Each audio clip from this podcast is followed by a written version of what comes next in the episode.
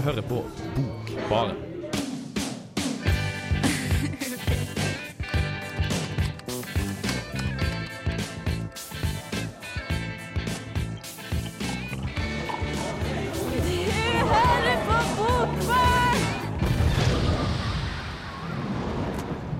Velkommen, velkommen, kjære lytter til Bokbarn, litteraturprogrammet på Radio Revolt. Det har regna i hele dag, så veldig fint å sitte inn og høre på litt bøker. Eller hva?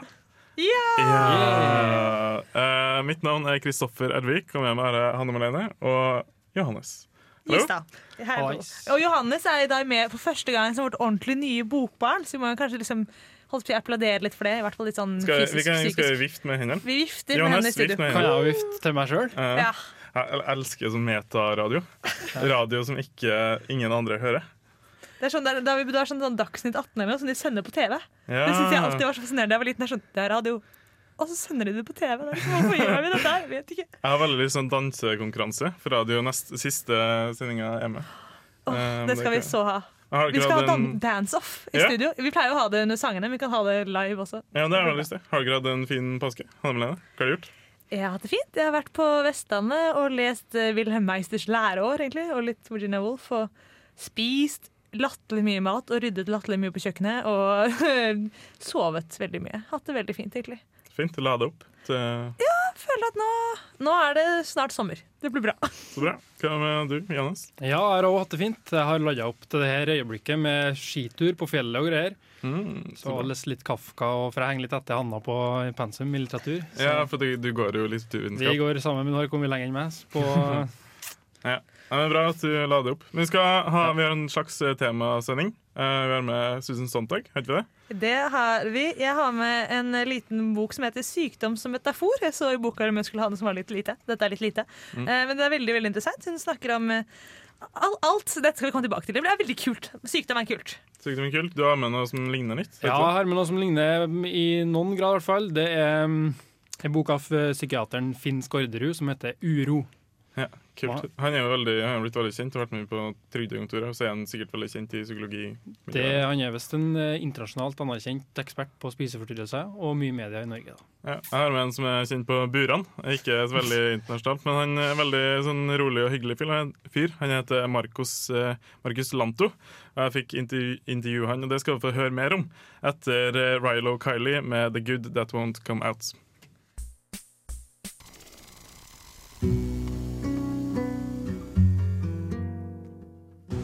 Sex with you is really a Kafkaesque experience. Thank you. Bokbarn. Bokbarn.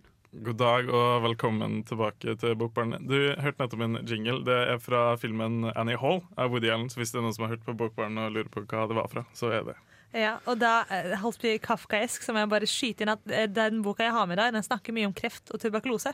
Og jeg lærte da, som jeg tydeligvis også skal ha lært i forelesning, ifølge Johannes, men det har ikke jeg fått med meg, men Kafka døde av tuberkulose. Ja. Ha! jeg synes sånne ting som dette er moro! Kristoffer så han opp med meg verdens beste sånn Ja ja, han har blikk, men jeg syns det var gøy. Men Kristoffer, hva har du gjort i påsken? Du må få si det. Um, jeg har spist mye mat hjemme. Jeg har ikke eh, dratt noen plass, for at jeg kommer fra Trondheim. Så jeg, har liksom, jeg har bodd i min egen seng. Jeg har bodd, i, jeg bodd på Berg studentby, og så har jeg spist eh, middag hjem til mine foreldre på Stubban. Det høres ut som en veldig god ordning, syns jeg. Ja, det er veldig fint. Så har vi, hatt, vi har gått mye tur, så oppe i Estenstadmarka og sånn, og så har vi um, har laga en påskejakt. Jeg er en veldig sånn kreativ bror, så han eh, setter inn veldig mye arbeid sånn, til en sånn påskejakt til mine to onkelbarn. Og så har jeg vært med og hjulpet til med det. Så jeg hadde det egentlig veldig, veldig bra. Det høres bra ut. Og så har du tenkt litt på bruken av gjedde, eller? Nei, men jeg har spist, spist makrell. Det er greit. Og Du har tynn spist fisk. makrell. Men ikke så mye bruk av gjedde. For det er jo denne boka til Markus Lanto. Bra at du hinta meg til det, Hanne Malene. Eh, han er en kunstner som jobber på kunstnerverkstedet på Buran. Eller at vi er på Buran. Eh, og så var jeg så heldig å eh, få lov til å prate med han. Jeg, jeg kjenner ikke så veldig godt, men jeg har prata med en som heter Mathias Samuelsen, som har jobba i Bokbarn før. Og Som sa at jeg går og prater med Markus Lanto. Han er en spennende fyr. Han har også bidratt til det forlaget hans, det er Beijing Trondheim. Forlaget til Mathias, eh, med en sånn eh, brev ikke, ikke en brevroman som i det litteraturvitenskapelige brevromanen, men altså en, et brev, faktisk brev, som du syr sammen, og så er det ja, et.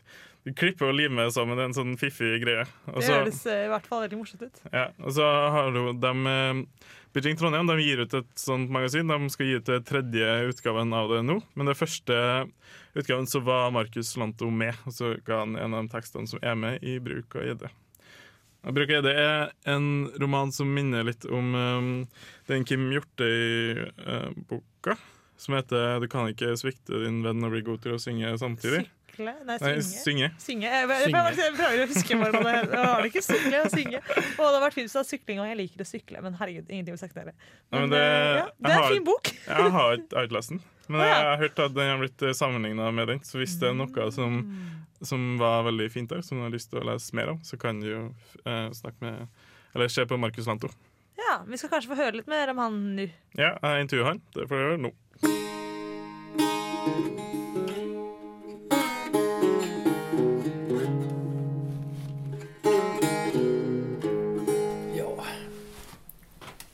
Ska jag säga?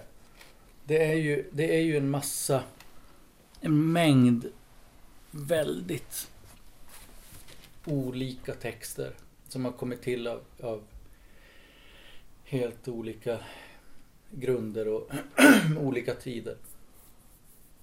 Eh, och som jag har valt att, att eh, sätta samman i en enda, en enda lång, inte en lång text men, men i, ett, i ett sammanhang. Da er det vanskelig å finne liksom, sammenhengen for å få det til å holde sammen. Ja, för mig är det inte svårt egentligen. Alltså, det för att för mig är den här boken precis samma sak som när jag gör konst. Eh, när jag har en utställning på, till exempel nu senast på Heimdal konstförening. Det har jag ingenting hör ihop med det andra. Men eftersom allt ställs ut i samma byggning, då hör de ihop. Därför att de är i samma rum, och det, eller, eller i fyra olika rum, men, men intill varandra i samma hus. och det är jag som har gjort dem. Och det är samma sak med, med texterna. De har... Beröringspunkterna finns naturligtvis. Jag kan se dem. Men, men det är inte viktigt. Eh, Men det, de, kan ju, de kan ju ha beröringspunkter på så vis att Saturnus dyker upp i en text och sen dyker upp i en helt annan text någon annanstans. Och för mig är det nog. Det är ungefär som att ha eh, en återkommande färg i ett maleri. Eller i, eller i flera målerier. Eller eh, sådana små element som på något sätt dyker upp. Och det, det håller gott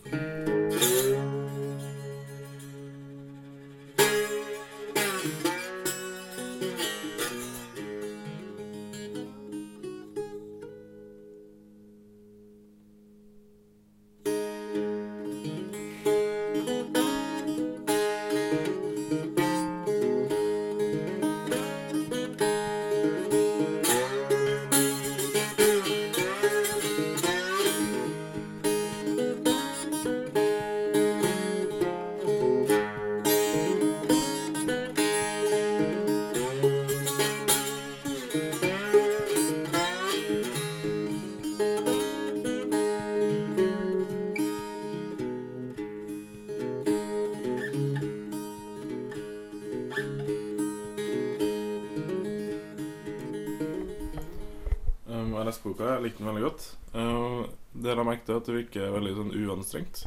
Tror jeg at det, at det er viktig at uh, teksten skal være Skal komme fram veldig uanstrengt. Ja, helst naturligtvis. Det men det är ju för att jag är, jag är lat av naturen. Så att jag, jag vill ju att allt ska gå väldigt lätt. Och, och någonting som, som jag själv har känt och som en, en, en författare som har läst mina texter. Hon sa det att eh, de blir bäst, alltså mina texter är bäst innan jag börjar redigera. Så fort jag går tillbaka och börjar fila lite grann på texten och försöker göra den lite snygg så tappar den någonting. Och då tänkte jag, så fint att hon säger det. Det är precis det jag vill höra. Eh, så mycket. En del texter, det är klart att jag förstår att texter kan behöva tid, man kan gå tillbaks och så och inser att här har jag tänkt mer än jag har skrivit så därför är det omöjligt att förstå vad jag, det som står. Att man kan ibland vara tvungen att renska i en text och sådär. Men så lite som möjligt. Och en del av de här texterna, de tog ungefär lika lång tid som det tar att trycka på tastaturet. Och så, punkt, så är det färdigt. Och en av texterna egentligen var egentligen en text som jag sände till min redaktör och till min översättare. Där jag hade bara ett spörsmål. Eh, och så när, när jag läste det jag hade skrivit till dem så tänkte jag, men fan det här kan ju vara med i boken. Och så la jag till ett par sättningar och sen in in i boken. Så allt är eh, allt är möjligt. Man kan ta sådana här ready-mades på något sätt. Mm. Eh, det är inga problem. Mycket hellre det, att man tar någonting som redan finns, än att man försöker efterligna någonting som man, någon annan har skrivit. Eh, för då är det ju risk att det blir nästan som den författaren, den här stora fantastiska författaren, men sämre. Då är det bättre att det är dåligt på en gång. Mm. Eh, eller bra. Det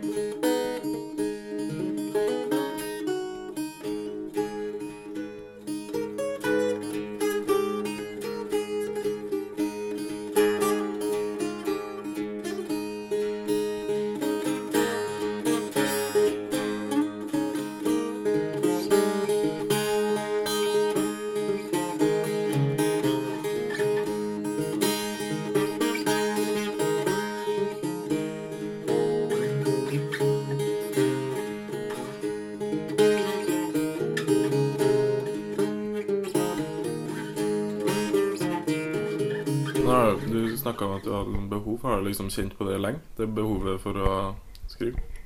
Ja, eh, visst. Det, det, har, det har ju alltid funnits med. Det har, eh, eh, alltså innan, innan jag började skolan.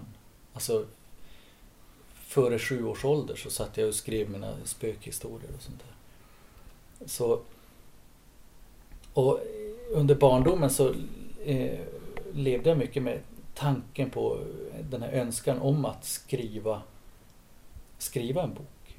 Så det har ju funnits med länge.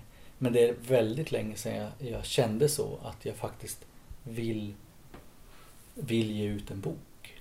Därför att jag kände att det, man kan inte börja, eller för mig, jag kan inte börja med att säga jag vill ge ut en bok och sen gå hem och sätta mig och skriva för att få ihop till den där boken som man vill ge ut. Det ska ju vara tvärtom.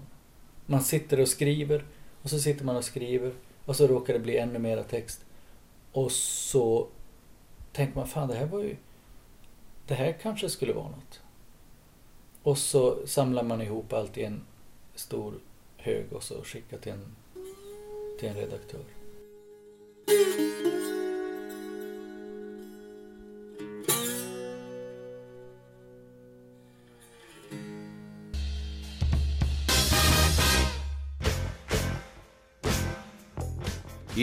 Dette er Frode Grøtten.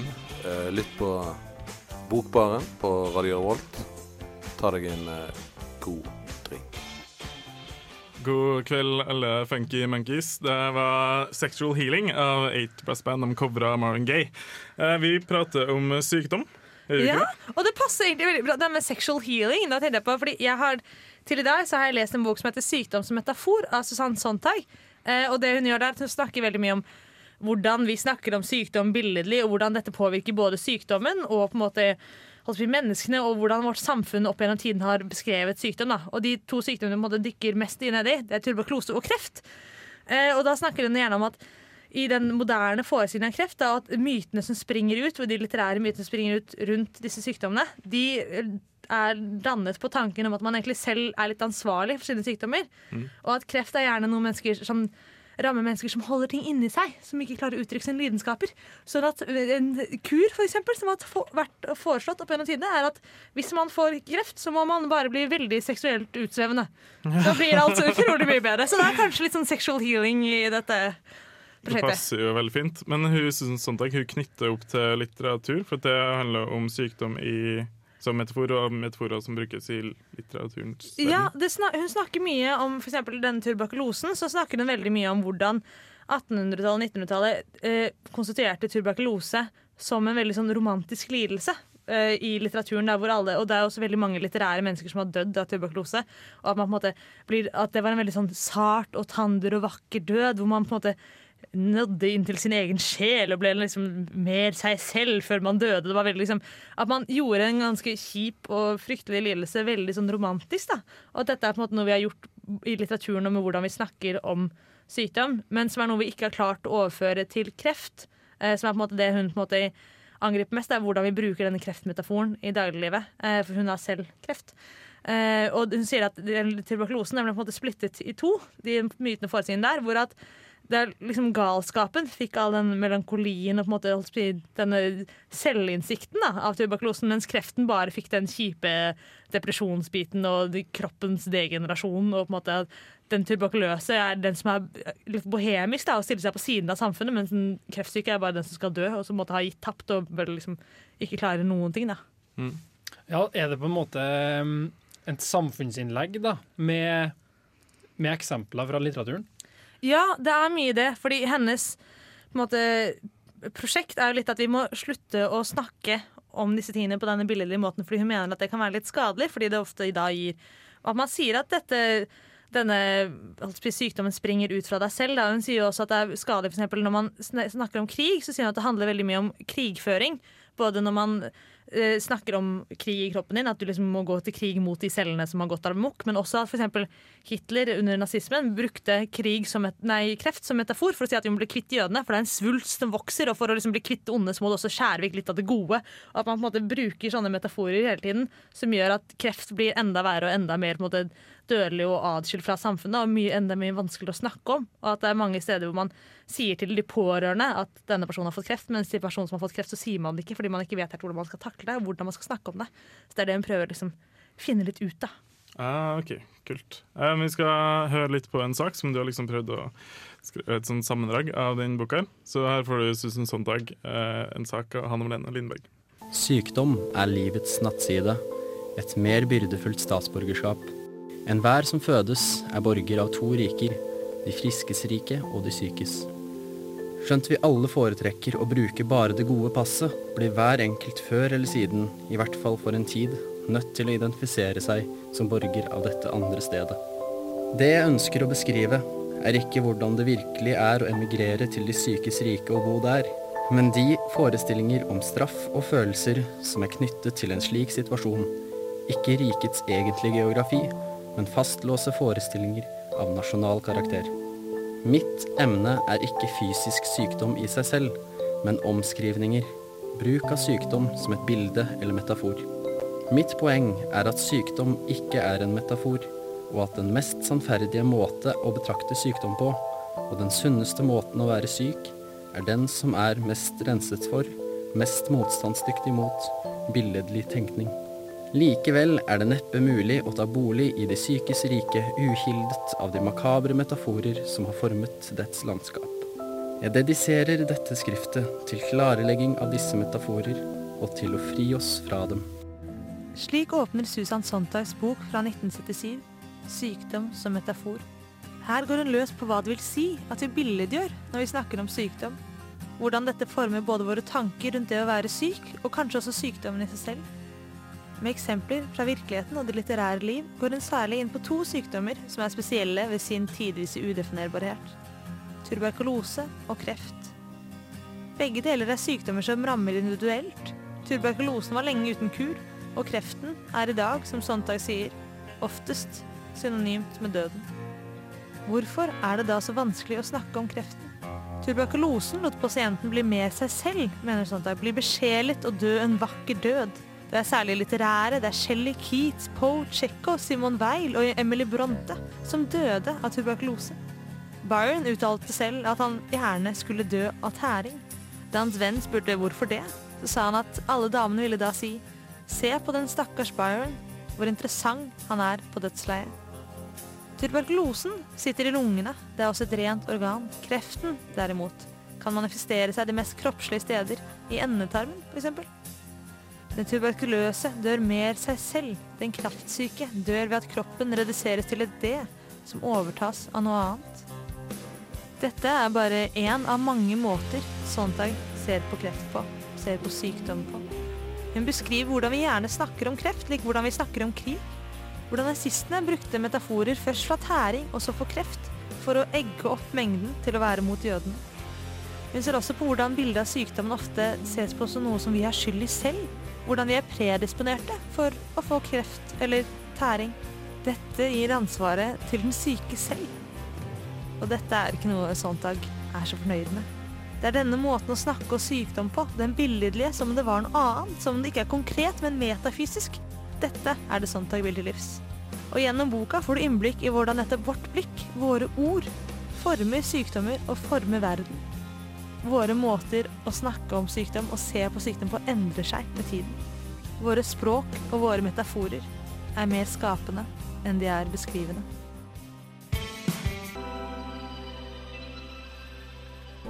Hallo, dette er Karl Ove Knausgård. Hver gang jeg er i Trondheim, så hører jeg på Bokbaren. Et fantastisk, eh, fantastisk bokprogram. Det var hyggelig å høre Kalle Ove Knausgård. Du hører på Bokbarn, litteraturprogrammet på Radio Revolt. Vi har pratet litt om eh, Susan Sontag og det hun snakka om eh, sykdom med metafor. Ikke det? Nå skal vi flytte oss litt eh, nærmere Norge. og en som er litt sånn, Jeg har vært litt kjent, for han har vært med på en del på Trygdekontoret. Vet du det? Jo, han har vært med på Trygdekontoret, skrevet en artikkelserie for Aftenposten, har jeg sett, eh, og litt for forskjellig annet. Ja. Uh, jeg heter Finn Skårderud. Finn Skårderud. Og den boka du er med, heter Uro. Yes, den heter Uro, og det er på en måte hans eh, ja, hovedverk når det gjelder sånn, litt sånn popvitenskapelig framstilling av eh, em, psykiatri og psykologihistorien. da. Så Den ble skrevet i 1998, og det, det er veldig bra, syns jeg. Ja, Det handler om kroppsfiksering, er det ikke det? Jo, det handler delvis om det. Noe som, eh, det handler mye, om mange andre ting om. Det er noe som Finn Skårderud er veldig opptatt av, og det er da det er litt det samme som eh, det han har snakka om. At uh, nettopp det at man gjør kroppen til en metafor. Det gir eksempel utslag i anoreksi, da, eller i ekstremt eh, mengde, treningsmengde og sånn. Mm. Fordi nå er jo det et sånt stort samfunnsproblem at folk er for eh, bra Tenker for mye om kroppen. Ja, det kanskje. At folk, det, ja. eh, at folk er for eh, sjukt eh, De er for sunne. Ja. At de liksom ødelegger, ødelegger seg sjøl. Det er det han skriver om. Vet du Mm. noe han skriver om? Jo, det er noe han skriver om. Og han har òg, som eh, i Hannas tekst, så har han litterære referanser. da. Ja. Bruker litteraturen, for han syns at det er et eh, treff, tre, ofte et treffende bilde. da. Ja. Blant annet Kafka. Blant annet Kafka. Ja, nei, Du kan få lov til å fullføre tanken med Kafka, men jeg tenkte litt, fordi eh, nettopp det med Sontag er at hun vil litt bort fra denne billedgjøringen. Men du sa noe om at Skårderud synes egentlig den var ganske, at det er et godt hjelpemiddel, eller? Ja, altså Ja, som du sa, Sontag vil mene at den, eh, den tankegangen er på en måte eh, skadelig, da. Mens eh, Finn Skårderud på en måte observerer hva det er som skjer. Hva, er det, er som er, hva som skjer med folk i, i samfunnet. Eh, Undertittelen på boka 'Uro' er liksom eh, en reise i det moderne selve. Så det handler om moderne menneskets psykologi. da. Kult. Eh, Kafka. Det er for at det var, han trakk fram to eh, noveller, vet Yes, du det? det var 'Sultekunstneren', tror jeg, og uh, de andre het 'Den første sorgen', tror jeg. Okay. Ja, så jeg husker rett. Eh, Eh, Sultekunstneren, hva, hva bruker han, hvorfor refererer han til den? Ja, det går jo på det her med så Det handler om en, novelle om en fyr som sulter seg sjøl i et bur. Så det, det går jo på noe med det her med liksom å um, det utflytende som det moderne livet er når det gjelder å forholde seg til andre folk og sånn. Um, men så kontrollerer han på en måte det han kan, da, som er kroppen og sulten. da. Ja, så for- han innskrenker. For det er liksom det artistlivet. Etter Ja. det han eh, Fordi Kafka var artist, og så så han at han, han blir liksom aldri fornøyd, den artisten. Det er vel noe med det, det perfekte. Ja. Og, ja. Ja, kult. Jeg har veldig lyst til å lese den eh, boka. Tror jeg skal plukke den opp. Du Gjør anbefaler den? Jeg anbefaler den virkelig. Den er skikkelig bra skrevet. Konge. Eh, vi skal gå litt videre, vi skal prate litt mer om sykdom. Eh, men først får du Kent med låta 'Sokker', eller 'Soccer'. Vær så god. Hei, det er Pedro Carmona Alvarez. Du hører på Bokbaren på Radio Revolt. Yeah. Det, det var kompisen til Johannes, Pedro Carmono Alvarez. Oh yeah, oh yeah. Og du hører på Bokbarn, litteraturprogrammet på Radio Holt, som jeg har sagt det tre ganger nå. Veldig bra. Veldig bra. Nå vet dere hva dere hører på der ute på det store DAB-nettet. Ja, og Hvis du har hørt eh, hele sendinga, så har vi prata om eh, Markus Lanto, som en eh, fiffig fyr buran. Og så har vi prata om sykdom og metaforer og litteratur. Eh, Vi pratet om Susan Sontag og sykdom som metafor, og så er det uro av Finn Skårderud. Og det var likt på en del punkter, men så var det også ulikt på liksom måten eh, forholdet Susan Sontag så på språk og kropp, eller språk og sykdom. At det ofte skapte en slags sånn avstand. Ja, Vi fant vel ut at det er mye egentlig som er mye av det samme. eh, Og at det handler veldig mye om både for Sondag og for Skårderud å, å lage en bevissthet om nettopp at det, hvordan vi snakker om sykdom og hvordan vi snakker om kroppen, det påvirker eh, våre syn, da, og det påvirker vår virkelighet. Og jeg synes det er en, dette er jo mitt sånn hovedpoeng i verden er jo at språk former virkeligheten, og språk er viktig, for hvordan vi snakker har veldig mye å si. Og det føler jeg at det er en enighet, enighet om i disse to bøkene, og det syns jeg er veldig veldig morsomt. Jeg synes det er veldig gøy å få lov til å lese noe som bare liksom gir meg sånn ja, OK, dette her har jeg ikke tenkt på at denne måten, altså disse metaforene brukes på den måten, og det sier det og det om verden, og hvordan måte, både litteraturen og sykdomstanker og sånn har utviklet seg. Så det syns jeg var veldig kult, og det var vel noe av det du også syns var kult, Johannes? Det var absolutt noe av det jeg syns var kult. Det er jo um, Jeg vil si at nesten at det Skårderud snakker om, er noe av det samme som Susan Sontag eh, gjør, da.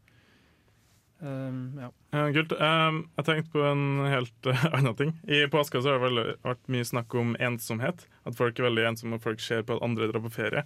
Så sitter man hjemme og så har man det veldig dårlig. Det liksom den Så kom det en uh, psykolog helt på slutten av påska som sa at ja, men det her oppfordrer til at folk ser på uh, ensomhet som noe dårlig. At, så sa han at folk kan sitte for seg sjøl og lese en bok og liksom uh, bygge seg opp da, på en helt annen måte. Og ikke litt det samme? At det, at det er forskjellige synspunkter? Jo, det er nettopp det at, at ensomhet kan jo være positivt hvis man velger å se på det. Altså, det er nettopp det alle konnotasjoner og alle ting man lader Hvordan man lader ord og lader begreper og lader metaforer og på en måte måten man hva, hva man setter mot hverandre. Og nettopp eh, sånt et problem med metaforene rundt kreft er at det går nettopp på det veldig med kriv, krigføringen og veldig destruktivt og veldig vanskelig, og noe som er vanskelig å forholde seg til, da, og veldig si, menneskelig. Som gjør at det er vanskelig å forholde seg til også kreft som en, på en måte, veldig naturlig del av kroppen. Ja, du sa det kanskje litt noe annet, men det jeg tenker på med ensomhet, og at det, akkurat som sykdom, da, så er på en måte ensomheten sånn, en sånn, litt sånn metafor også, på noe som er litt sykt. da. Noe som ikke bør forekomme, liksom. Det um, At det skjer. Uh, vi eh, tror jeg, tror vi setter strek. Og så skal vi høre på min favorittsang av Bob Hund. Og det, det skulle være lett for meg å si at jeg ikke hittar hem. Så vær så god. This is Alan Moore, and you're listening to The Book Bar. Yes, på Radio Revolt. Eh, vi har prata om sykdom og metafor, litteratur. Har vi ikke det? Det er vel sånn cirka det vi har gjort. Snakket om selvfølgelig hvordan språk vi bruker, påvirker den verden vi er i, hvordan vi ser på ulike fenomener som sykdom, som kreft og tuberkulose og spiseforstyrrelser og galskap og andre sånne hyggelige ting en eh, tirsdagskveld. Og det du leste i, var Susan Sontags sin lille sin lille bok 'Sykdom og metafor', som kom ut på 70-tallet. Jeg tenkte på det at det, Hennes tanke om at kreft er lik død, det er vel kanskje, det er kanskje litt mindre pessimistisk nå. Jeg tror vel kanskje at eh, Jeg føler i hvert fall det at hvis noen får kreft, så er det ikke helt sikkert at de dør. Nei. Føler, og det var jo sikkert ikke det da heller, men jeg føler at man kan være litt mer optimistisk, så kanskje verden går litt framover. Mm, Og så finner vi noe nytt som hun kunne dø. Men ja. Ja, Men hun døde, hun døde for noen år siden, gjorde det? Var det Døde i kreft hun 2004. Jeg tror det var blodkreft til slutt. Dessverre. Men ja. da var, hun var født i 33, så hun ble jo 71. Mm. Ja. Nei, men hun hadde sikkert uh, fett. uh, fin Skårderud. Uro. Bra Mhm. bok. Kjempebra bok. Kult. Mm. Uh, det, det virker litt svær, da. Det er, det er så akademisk eh, liten Hæ, det er ikke så akademisk, sjø. Den har liksom, det handler om akademiske eh, ting, men den er skrevet veldig uakademisk. Hvis den har vært skrevet akademisk, så har jeg ikke gidda å lese den. Den har nesten 450 sider. Ja. Har nok akademisk greier fra før. Bra. Nei, men jeg skal, jeg skal bla opp den, så skal jeg lese den. Gjør det. Jeg må bare si Det er en veldig god grunn til å lese sånt her. Fordi jeg har den i en sånn liten sånn pocketversjon er, som er liksom kanskje sånn A5-størrelse på. Og da er det sånn 80 sider. Så det går, det går på liksom et par timer da hvis du har lyst til å sjekke det ut litt. Så det vil jeg anbefale å gjøre. Ja, eh, Vi kan også anbefale et arrangement. For neste tirsdag klokka sju på biblioteket eh, så er det et arrangement som heter Kulturnæring og kulturtæring. Eller kulturnæring skråstrek kulturtæring. Som handler om Vet du hva det handler om? er? Nei, jeg vet ikke hva det. Det så veldig kult ut. Det har jeg tippet på. Gå på Facebook og sjekk det ut, folkens. Ja, det er klokka sju neste tirsdag. Og så også slippfest for uh, magasinet Cirka uh, på Coffee Anon neste tirsdag også. Så det er mye uh, fett som skjer i Trondheim. Ikke det? Og så er det vi som er her neste tirsdag, så det er alltid kult. Ah, Herregud, du har så mye å glede deg til. ja, og det er Eh, vår snart. Det kan man også glede seg til. Det gjør jeg veldig, merker jeg. Ja. eh, mitt navn har vært Kristoffer Eidvik, Hanne Melene Lindberg og Johannes Hva heter du til navn? Justad. Yes, og besteteknikeren Ingvild Aas. Skal vi, skal vi danse off i ti sekunder, for at det er ti sekunder igjen av sendinga? Det er, dette, til informasjon, Kristoffer står nå og danser. Det er det vi pleier å gjøre hver gang vi er på lufta. Så er det litt dans. Kos dere med det. Du får kappekoff uh, med You Want It. Det er en veldig fin, funky diskosang. Så håper jeg du hører på neste uke. Så får du ha det bra.